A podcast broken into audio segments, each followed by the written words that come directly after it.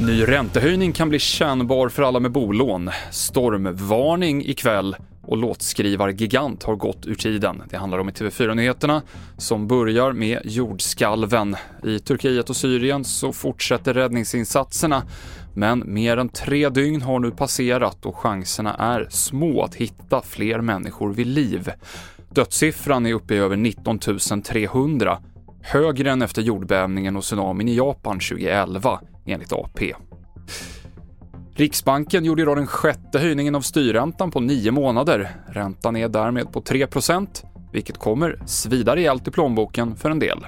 Ja, men det är klart att det här påverkar ju ekonomin i stort men framförallt hushållen, de hushåll kanske som har bolån och faktiskt drabbats av de höjningar som vi har haft under eh, en längre tid nu. Eh, de med bolåneräntor som är rörliga kommer att drabbas här nu. Shoka Årman, sparekonom på SPP.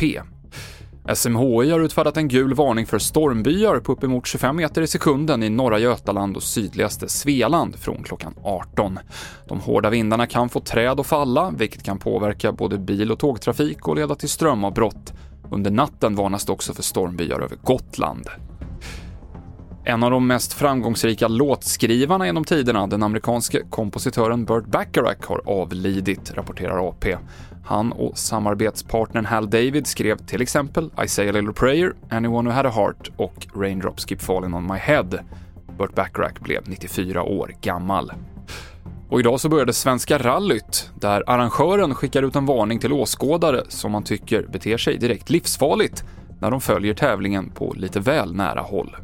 Jag förstår att man vill vara nära men det är minst lika frän upplevelse att stå fem meter ifrån eller tio meter ifrån som att försöka ta i bilen som vissa människor kan göra. Stå inte i ytterkurvor, stå inte där vi har bandat av där man inte ska vara. Stå gärna på publikplatserna, böjer inte ut över banden. Banden är där för att begränsa, inte för att hålla tillbaka, att du kan luta över dem. Det sa Rickard Johansson, säkerhetschef på Rally Sweden. Det avslutar TV4-nyheterna med Mikael Klintevall.